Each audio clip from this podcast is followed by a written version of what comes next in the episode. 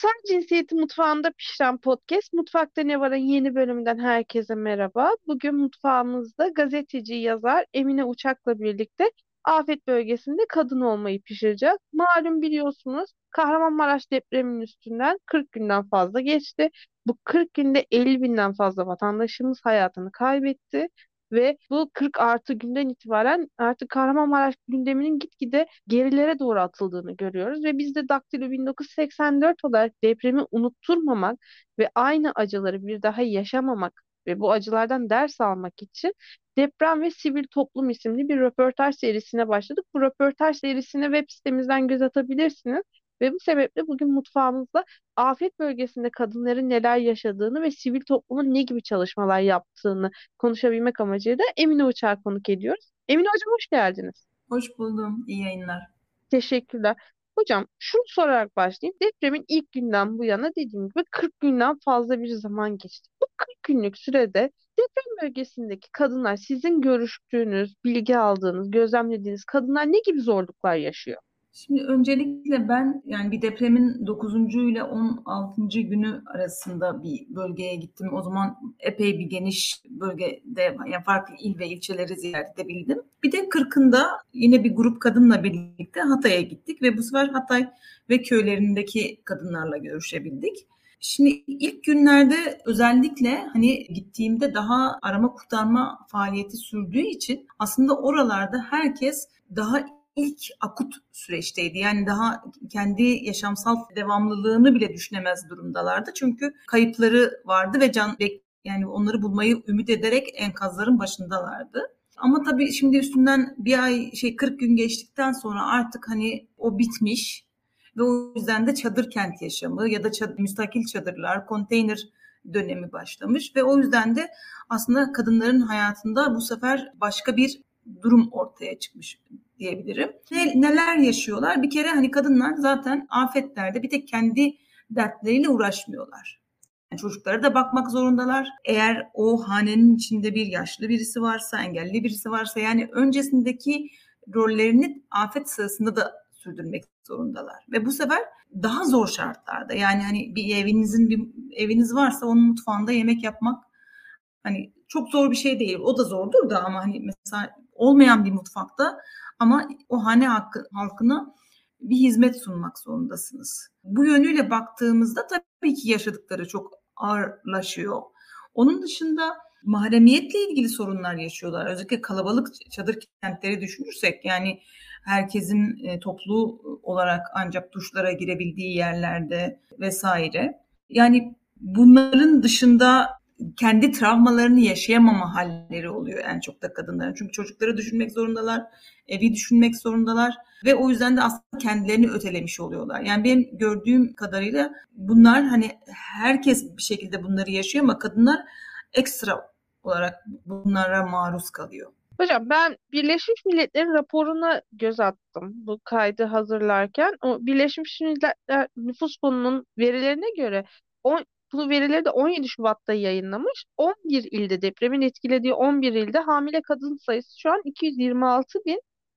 Üreme çağındaki kadın sayısı 4.1 milyon. Mart ayında gerçekleşen doğum sayısı ise 25 bin. Yani bu çok ciddi bir rakam. Zaten Birleşmiş Milletler de diyor ki deprem bölgesinde etkilenen o 13 milyonluk nüfusun %50'si kadın, %50'si erkek farklı bir rapor daha var. Care International tarafından hazırlanan bir raporda ise kadınların deprem bölgesindeki en temel ihtiyaçlarının hijyen ve mahremiyet olduğunu çünkü mahremiyet özellikle duşlara sizin dediğiniz gibi tuvaletlere giderken ciddi bir ihtiyaç. E, kadınlarda bir regli yoksulluğu yaşanıyor haliyle PED'de erişemiyorlar. Bu, bu PED'e erişememek onlarda ciddi bir travmaya da yol açıyor. Çünkü menstruasyonla ilgili sosyal tabular malum. Bunu da dileri getiremiyorlar. Ve bu tuvalet ve su alanları çevresinde kadınlar sürekli bir toplumsal cinsiyete dayalı şiddet uygulama riskiyle karşı karşıya kaldıklarını belirtiyorlarmış. Aslında hani kadın hareketinin belki de yaptığı e, başarılardan bir tanesi bu PET meselesini Ondan sonra yani bu e, regl meselesini ve özellikle afetlerde veya işte olağanüstü durumlarda bunun ihtiyacının arttığıyla ilgili farkındalığı sağlamış olması. Ama hani bir de şöyle bir şey oldu. Yani bu depremde gördük ki kadınlar sadece petlerle ve hijyen paketleriyle anılmış oldu.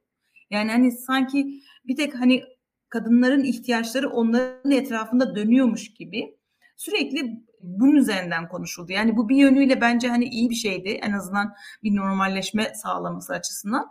Ama sadece buna da hani o hijyen paketine de sığdırılamayacak kadar kadınlarla ilgili konu var. Yani afet ve deprem üzerine baktığımızda zaten aslında hani daha baştan bir şey söylemek gerekirse yani bir doğa olayının afete dönüşmesi kırılganlıkla ilgili bir şey. Yani hani siz öncesinde risk yönetimi yaparsanız aslında afetlerin yıkıcı etkilerini azaltabilirsiniz.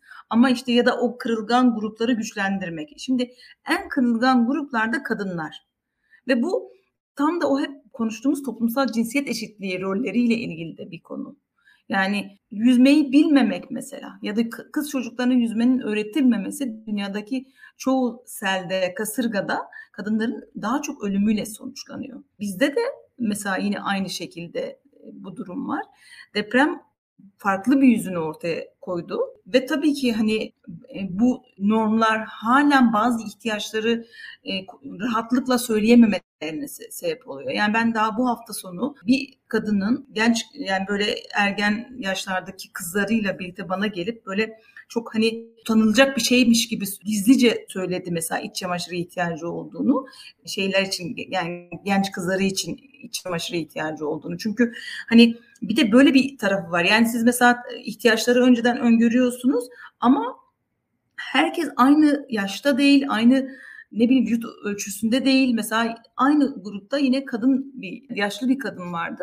O da aynı şekilde hiç ona uygun bir iç çamaşırı bulamadığını söyledi. Şimdi mesela bu böyle şey gibi yani ne var yani o, o, o zamana kadar hani bunu, daha doğrusu bunu da düşünecek miyiz ya da, ya da nasıl düşünebiliriz ya da işte bu hani çok böyle büyük bir şey gibi görünüyor ama bu o kadar önemli bir ihtiyaç ki ve bunu mesela o köye hiç ulaşılmadığı için değil o köyde yardım çalışmaları veya işte hem yerel yönetim hem kamudan mutlaka gelenler olmuş. Ama tam da işte bu afet ve kadın özeline baktığımızda oradaki gönüllüden de oradaki ilişkiyi kuranın da kadın olmasıyla da ilgili bir şey bu. Yani hani ancak çok yakın hissettiği kişi olduğunda ya da karşısında bir kadın olduğunda gelip bunu söyleyebiliyor. O yüzden hani biz işte afetler söz konusu olduğunda kadınların sadece kırılganlığının ortadan kalkması için orada afete müdahalede de kadınların olması gerektiğini söylüyoruz. Hocam şimdi dediğiniz doğru. Birleşmiş Milletler de zaten diyor ki özellikle kurum kültürünün gelişmediği ne yazık ki bizim gibi ülkelerde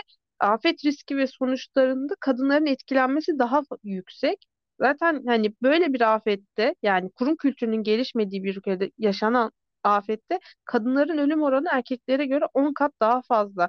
Evet afet anında biz hep e, kadınların şu an en temel ihtiyacı e, regl ürünleri ve hijyen olarak görülüyor ama kadınların şöyle bir ihtiyacı da var. Kadınlar mahremiyet de istiyorlar. Eşiğin 18 Mart'ta yayınladığı bir rapor var deprem bölgesiyle ilgili. O raporda diyor ki mesela kadınlar geceleri diyor biz eğer yan, özellikle eşlerini kaybetmiş kadınlar diyor ki geceleri yalnız yatıyorsak diyor uyuyamıyoruz. Çünkü ya çadırın fermuarı açılırsa ya hani başıma bir iş gelirse istismara uğrayabilirim diyor, e, taciz edilebilirim, başka şeyler gelebilir başıma.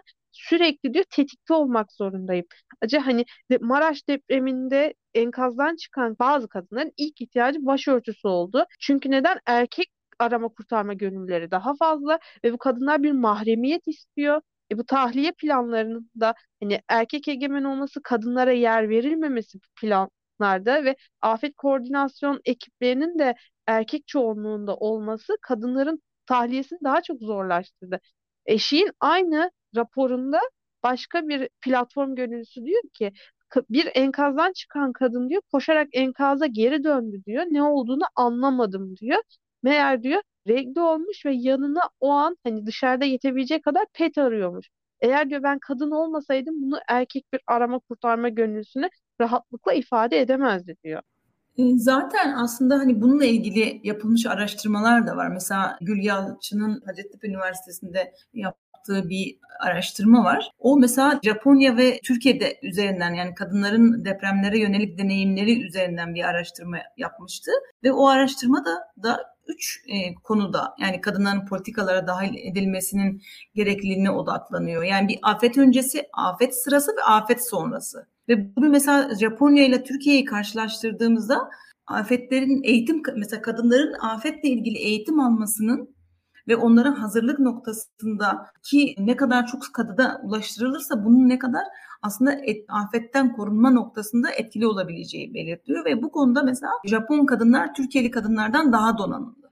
Ve çünkü orada mesela e, sivil toplum ve kamu işbirliğiyle çok teorik ve pratik olarak iyi afet eğitimleri yapılıyor. Yine mesela e, müdahale anı ile ilgili bu konuda mesela iki ülkede de kadın ortaklaşılan bir konu bu. Kadınların müdahale konusunda daha duyarlı olduğu ve yaşamsal yardım faaliyetlerinde daha önemli rol oynadıkları ve yine sosyal ağlar vasıtasıyla hızlı bir şekilde seferber oldukları. Yani kadınlar aslında o evi yönetme noktasındaki gelen bir beceri var. Yani toplumu evden ve aileden de başlarsak bu konudaki mesela farkındalık çok daha güçlü bir şekilde müdahale etmelerine sebep oluyor. O yüzden aslında baştan itibaren hani hem afete hazırlık hem afet sırası ve sonrasında sonrasındaki politikalara dahil edilmesi çok önemli yani kadınların hem e, dediğim gibi deprem anında müdahale etme ama öncesindeki hazırlık yani öncesindeki politikalara dahil edilmesi. Mesela işte bir afet planı var ama bu afet planında kadınlarla ilgili özel bir maddenin olması lazım. Yani kadınlarla ilgili o zaman eğer bununla ilgili bir farkındalık, hazırlık olursa arama kurtarmadan tutun da çadır kentlerin kurulmasına kadar o mahremiyet, ihtiya diğer ihtiyaçlar, hijyen ihtiyacı bunların hepsinde önceden gözetilebilir. Ama bunlar hani baştan zaten kadınların kırılganlığı bu konu önemsenmediği için ve bu toplumsal cinsiyet rollerinin kadınların afetlerde nasıl hayatına ma- mal olduğu görülmediği için sonrasında da devam ediyor. Yani çadır kentlerde durum tam da dediğiniz gibi yani çünkü mesela çadırdan çıkıp çamaşır yıkamaya giderken de aynı durum var yani. Hani o mesela belki daha orta bir yerde daha rahat bir yerde bile olabilir. Ama bunlar hiç tabii ki hesaplanmıyor. Hocam evet bir hani dediğiniz doğru. Çünkü en önemli sorun aslında şu an hani sivil toplum çalışanlarının da ifadelerine ve verilerine göre güvenlik ve şiddet. Çünkü geçici barınma alanlarında kalan kadınlar geceleri tuvalete gitmeye korktuklarını ve bu sebeple tuvaletlerini tuttuklarını söylüyorlar ve bazıları da hasarlı evlere girmeye devam ediyor. Ve hani bu yaşanan afet dolayısıyla Birleşmiş Milletler de bunu söylüyor o bölgede çocuk yaşta evliliklerin artacağına dair bir yani dikkat çekmeye çalışıyor. Orada bir çocuk evliliği riski var. Bu kadınlar arasında biliyorsunuz kadınların hani vajinal hastalıklar, enfeksiyonların yayılma oranı daha fazla. E, çünkü ortada su kıtlığı var, hijyen sağlanamıyor ve hızla enfeksiyon yayılıyor. Bu da emziren ve hamile kadınlar için büyük bir risk. Salgın hastalıklar artıyor. Bu da gene emziren, gebe kadınlar için büyük bir risk. Ve bu hijyene erişemek, mahremiyet ve güvenlik sorunları kadınlar için ciddi bir travma yaşıyor. Kadınlar nasıl kendi evlerini çekip çevirmeye devam ediyorlarsa şu anda da çadırlarını çekip çevirmeye devam ediyorlar ve bu sebeple travmalarını yaşayamadıklarını, yaslarını tutamadıklarını söylüyor. Zaten Birleşmiş Milletler'de bunu kendi raporuna not etmiş. Bunu da soracağım size. Deprem sırasında özellikle Türkiye'de İstanbul Sözleşmesi'nin yürürlükte olmaması ve 6284'ün uygulanmıyor oluşu büyük bir risk.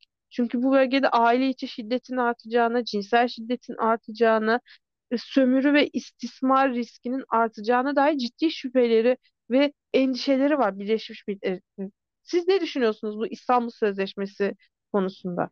İstanbul Sözleşmesi ile ilgili yani zaten tabii ki bu şu anda yasanın sözleşmenin uygulanmıyor olmasının bir sıkıntısı var ama aynı onun dışında biliyorsunuz hali hazırdaki şiddet yasasının kaldırılması için uğraşanlar var. Yani bir yandan da böyle bir durum var. Şiddetin arttığıyla ilgili yani sonuçta gördük yani kocasının evine dönmek zorunda kalıp orada şiddete uğrayan kadını da gördük ve bu ister istemez hani o ortamda artık bu saatten sonra hem de böyle herkesin içinde olduğu bir yerde kadınların bu şiddetle ilgili bir güç, destek bulabileceğini düşünmek çok zor. Çünkü zaten mekanizmalar e, normalde işletilmiyordu. Şimdi bir de hani mesela Hatay'da biz yol aradık.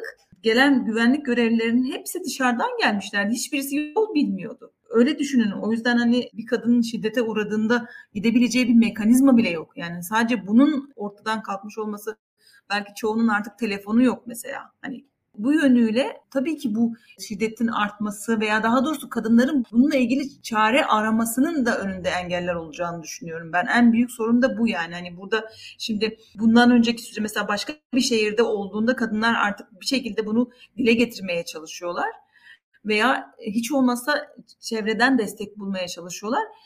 Orada bu olmayacak. Yaşam yerlerinin dışında da böyle köylerde, çok dağınık yerlerde artık e, çadırlar e, var. Yani onlar öyle sürdürüyorlar hayatlarını. O yüzden bu yön yani bu şiddet meselesini gerçekten hani üzerine düşünmemiz gerekiyor şeyden bahsettiniz dediniz ya hani travmalarını yaşayamıyorlar. Ben mesela iki yıl önce selle ilgili bir belgesel çalışmıştım Düzce ve Adana'da. O da aynı şekilde yani sel de mesela bu durumda yani hani mesela evde mahsur kalıyorlar. Kadınlar evde e, kalan diğer kişileri sakinleştirmek için çalışıyorlar. Öyle ki mesela bu sefer kendi korkularını, kendilerini düşünemez oluyorlar. Ve bu mesela onların içinde kalıyor. Bir yandan sonrasında mesela sel bitmiş ama onlar evleri temizlemek zorundalar. Evi tekrar yaşanılır hale getirmek zorundalar. Bu arada köy meydanında veya işte toplu yerlerde koordinasyon mevzuları konuşulmuş ve kadınların ihtiyaçları o yüzden de hiç konuşulmamış olmuş. Çünkü onlar o koordinasyon merkezlerine ulaşamadıkları için. O yüzden hani baştan işte e, biraz önce de söylediğim gibi yani en baştan bu süreçlere dahil edilmeleri önemli. Yani kadınların. Ve şiddet konusu da yine bununla ilgili bir. Yani siz bu saatten sonra oralara yönelik farklı mekanizmalar oluşturmak zorunda. Kamu da, yerel yönetimlerde, to, sivil toplumun da mesela bu konuda bir, bir şeyler yapabilir. Çünkü mesela hani KADES uygulamamız var. Ne kadar çalışıyor o ayrı bir şey. Ama nihayetinde mesela şiddete uğrayan bir kadın şu anda orada telefonu da yok. Nereye başvuracak? Gidecek bir muhtarlık yok, gidecek bir polis karakolu yok. Hatay özelinde özellikle şu anda mesela hiçbir yere gidemez. O yüzden hani bunun, buralar için yeni mekanizmaların ivedilikle oluşturulması gerektiğini düşünüyorum. Evet hocam ona da geleceğim. Ondan öncesinde sizin dediğiniz eski eşi tarafından şiddete uğrayan Kahramanmaraş'ta eski eşinin evine sığınıyor. Hani bilmeyen dinleyicilerimiz için de kısa bir açıklama geçelim. Ve eski eşi kendisine uyurken üstüne kaynar su döküyor. İfadesinde diyor ki artçı depremler sebebiyle döküldü. Ben dökmedim diyor. Ama mağdur kadın diyor ki eski eşim boşandıktan sonra kendi hayatımı yaşamam ve arkadaşlarımın olması sebebiyle beni kıskandığını ve iyi bak seni öldürmedim dediğini söylüyor kaynar su döktükten sonra. Yani böyle bir risk var. Bugün İstanbul Sözleşmesi'nin den çek bir gece imzasıyla çekilmemizin yıl dönümü iki yıl oldu ve iki yıl geçmesinin ardından hala yeni bir sözleşme sözde bir Ankara Sözleşmesi yürürlüğe girecekti ama hala görünürde yok ve 6284'ü kaldırmaya çalışıyorlar. Zaten etkin uygulanan bir yasa değil. Hani bunu da kaldırarak kadınları iyice savunmasız ve korunmaya muhtaç bir şekilde terk etmeye çalışıyorlar. Ya ben gerçekten anlam veremiyorum. Şeye de değinmek istiyorum. Hani sivil toplum dediniz. Şu an bütün sivil toplum kuruluşları öncelikle gö- yardım gönderenler hijyen sağlamaya çalışıyor. Hijyen kitleriyle, iç çamaşırlarıyla. Ama sivil toplum bu saatten sonra özellikle bu güvenlik, mahremiyet, toplumsal cinsiyete dayalı şiddet gibi konularda neler yapmalı? Sivil toplumun bu yeniden inşa sürecinde rolü ne olmalı sizce? Yani sivil toplum şu anda hali hazırda hayatın sürdürülmesi için olan temel ihtiyaçların yerine getirilmesi için uğraşıyor. Ve bu tam, tam da ihtiyaç yani. Şu anda çünkü biraz önce bahsettim. En temel ihtiyaçların bile halen tam karşılanamadığı bir durum var. Bölge çok geniş, çok farklı il ve ilçelere yayılmış. Bazı illerde hayat hakikaten normale döndü ilk günlerinden. Hani Diyarbakır, Urfa'yı buna sayabiliriz, Antep'i sayabiliriz. Ama Maraş, Adıyaman ve Hatay e, üçünde de hani acil ihtiyaçlar, işte barınmayla ilgili ihtiyaçlar, giyinmeyle ilgili ihtiyaçlar, gıdayla ilgili ihtiyaçlar da sürüyor bu arada yani. O yüzden şu anda çok e, haklı olarak sivil toplum bütün gücünü oraya seferber etmiş durumda. Ama bir yandan da e, bu yaşanılanın ortaya konulmasıyla ilgili herkes de aslında kendi çalışma alanı içinden bir de bir kayıt tutmaya çalışıyor. Yani eşiğin raporda bir yönüyle bu. Benim bu süreçte gördüğüm şöyle bir konu var. Yani sivil toplum kuruluşları haklı olarak dediğim gibi herkes kendi perspektifinden bu afeti anlamaya ve ona müdahale etmeye çalışıyor. Ama afet konusu çok kesişimin olduğu bir konu. Yani bütün sivil toplum kuruluşlarının birlikte çalışması da gereken bir konu. Şimdi biz yıllar önce yani İzmir depreminin sırasında sivil toplumun deprem komisyonu nezdinde yani mecliste açılan deprem komisyonu nezdinde daha etkin olabilmesiyle ilgili bir kampanya yürütmüştük sivil e, sayfalarda sivil toplum için destek vakfı desteğiyle. O zaman da mesela bazı toplantılar düzenledik. Ve bunu mesela davet ettiğimiz bazı kuruluşlar ya biz afet konusu çalışmıyoruz gibi bir şey söylemişlerdi. Oysa hani engelli dernekleri de afet çalışmak zorunda. Hayvan hakları dernekleri de afet çalışmak zorunda. Kadın dernekleri de veya diğer bütün dernekleri de ve bu depremde gördük. Çünkü hayvanların da enkazdan kurtarılması gerekti, onların da beslenmesi gerekti veya çevreyle ilgili etkilerini şu an mesela molozların dökülmesi meselesi var. Yani afet ve deprem bütün sivil toplumun birlikte çalışması gereken bir alan. O yüzden hani herkesin kendi konusuna, kendi baktığı, çalıştığı alana kapanmadan birlikte bir işbirliği içinde çalışması e, hayatiyet taşıyor bundan sonrası için. Yani işte eşik kadınların yaşadıkları ile ilgili bu, bunu ortaya koydu. Peki bunları gidermek için mesela orada nasıl önlemler alınabilir? Nasıl mekanlar üretilebilir? Buna dair mesela mekan adaleti çalışan veya ne bileyim yani bu alanda çalışan derneklerle bir kafa kafaya yorup çözümler geliştirilebilir. Veya ekoloji çalışan derneklerle mesela yine orada farklı bu alandaki konuyu daha görünür kılmak için bir şey bir şeyler yapabilir. O yüzden hani sivil toplum tabii ki zaten hani alanının ne kadar daraltıldığını biliyoruz. Yani AFAD'ın bu süreçte bir yerde güçlenmeye başladıktan sonra oradan sivil toplumu alanını daralttığını da biliyoruz. Yani o yüzden hani alanda çalışmak hakikaten kolay değil. Ama yine de bu hiç yapılmayacak bir şey de değil. Buna alan var. Mesela biz çok basit böyle bir bağımsız birkaç tane kadın bir araya geldik gittik mesela bir köyde bunu mesela diyelim ki bir çadır kente gitsek bunu yapamayabilirdik ama bir köye gittik ve o köydeki yerelin kendi platformuyla da iletişime geçerek Orada bir iki gün mesela bir, hem kırkı olduğu için bir yassı birlikte paylaşma etkinliği yaptık. Hem de bir yandan da oradaki ihtiyaçlarla ilgili çocukların eğitimiyle ilgili nasıl destek olabiliriz buna kafa yorduk. Bu depremde bir de şöyle bir konu var. Yani biz zaten depreme müdahale konusunda yerelden e, mutlaka yerelden olması gerektiğini söylüyoruz ya. Yani şunu da gördüm ben bu en son Hatay ziyaretinde. Yerelin bile yerini bulmak zorundayız. O yüzden daha köy bazlı, daha küçücük mahalle bazlı örgütlenmelere gitmek, oralarda alternatif yollar bulmak. Mesela Hatay'da şu anda bazı köylerde gerçekten eğitim başlatılabilir. Mesela eğitim çalışan dernekler, belki çocuk çalışan dernekler bir araya gelip bunun yollarını aramak ve bu konuda yerel yönetimleri de harekete geçirerek bir bölgesel bir şey başlatabiliriz. Çünkü kamu çok bütüncül bakıyor. Yani bütün mesela Hatay'ın merkezindeki her yer normale dönmeden belki eğitim başlamayacak. Ama aslında göre dediğim gibi bazı köylerinde başlayabilir. O yüzden yerelin de yereline girecek şekilde ve bütüncül olarak ve e, farklı temalarda çalışanların da güç birliği yaparak bu iyileşme sürecine daha iyi etki edebileceğimizi düşünüyorum. Evet dedikleriniz çok doğru hocam. Ben de ek olarak hani sonuna da gelirken podcast'imiz şunları eklemek istiyorum. Özellikle kamu yeniden inşaat sürecinde bir sonraki afete hazırlık olarak şunları yapabilir nacizane bizim de görüşümüz. Tüm politika ve uygulamalarda cinsiyet perspektifi dahil edilebilir.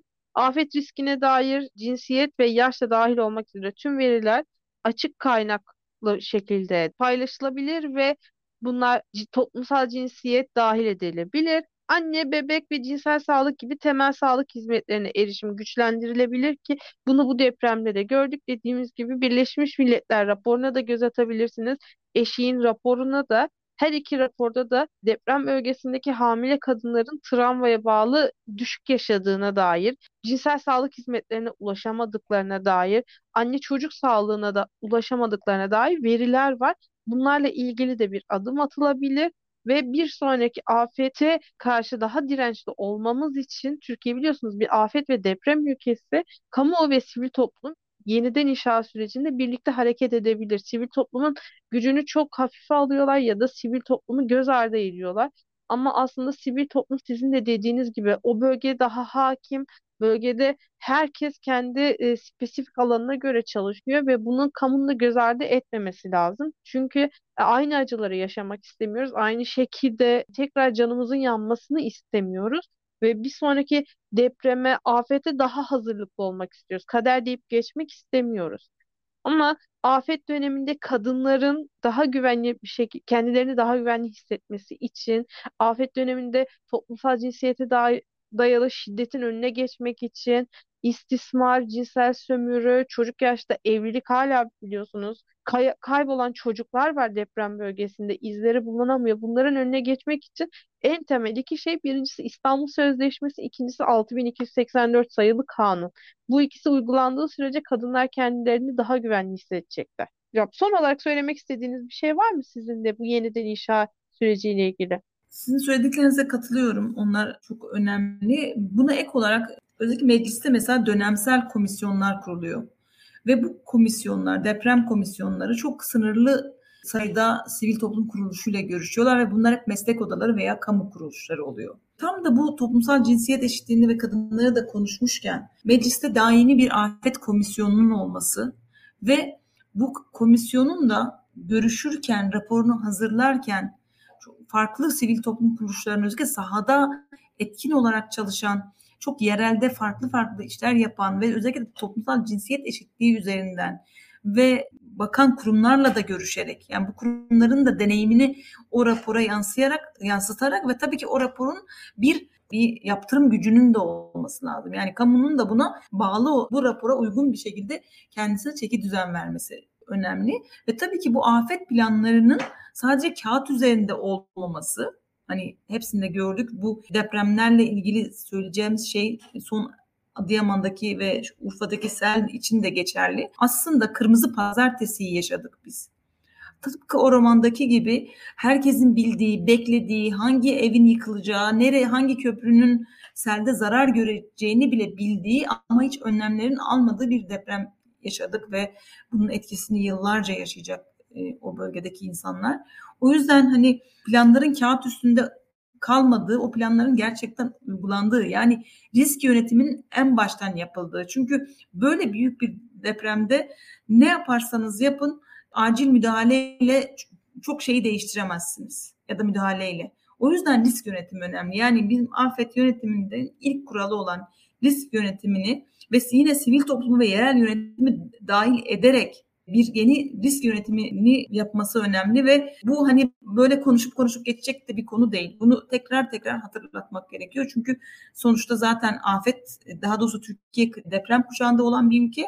İklim krizini de düşünürsek seller artacak, kuraklıklar artacak ve bu afetler ne yazık ki bizi bekliyor. O yüzden de etkin bir risk yönetimi, gerçek anlamda bir sivil toplum katılımını dikkate alacak bir perspektif gerekiyor. Evet, çok doğru söylüyorsunuz hocam.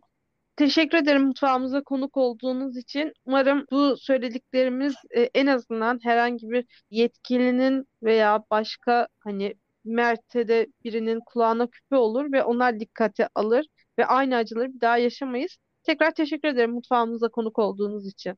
İyi e, pişirmeler mi diyeyim bundan sonrası için? Evet. İnşallah daha güzel gündemleri de pişirir sizinle sivil toplumla ilgili. İnşallah. Toplumsal cinsiyeti mutfağında pişiren podcast Mutfakta Ne Var'ın bir bölümün daha sonuna geldik. Mutfakta Ne Var'ın geçmiş bölümlerini tekrar dinlemek ve yeni bölümlerinden haberdar olmak için bizleri Spotify, iTunes ve Google Podcast kanallarımızdan takip etmeyi, Daktilo 1984'ün özellikle yeni başladığımız Deprem ve Sivil Toplum isimli röportaj serimizde dahil olmak üzere diğer içeriklerine ve yayınlarına göz atmak için web sitemizi ziyaret etmeyi, YouTube kanalımıza abone olmayı ve bizleri YouTube kanalımıza katıl yaparak desteklemeyi unutmayın. Hoşçakalın.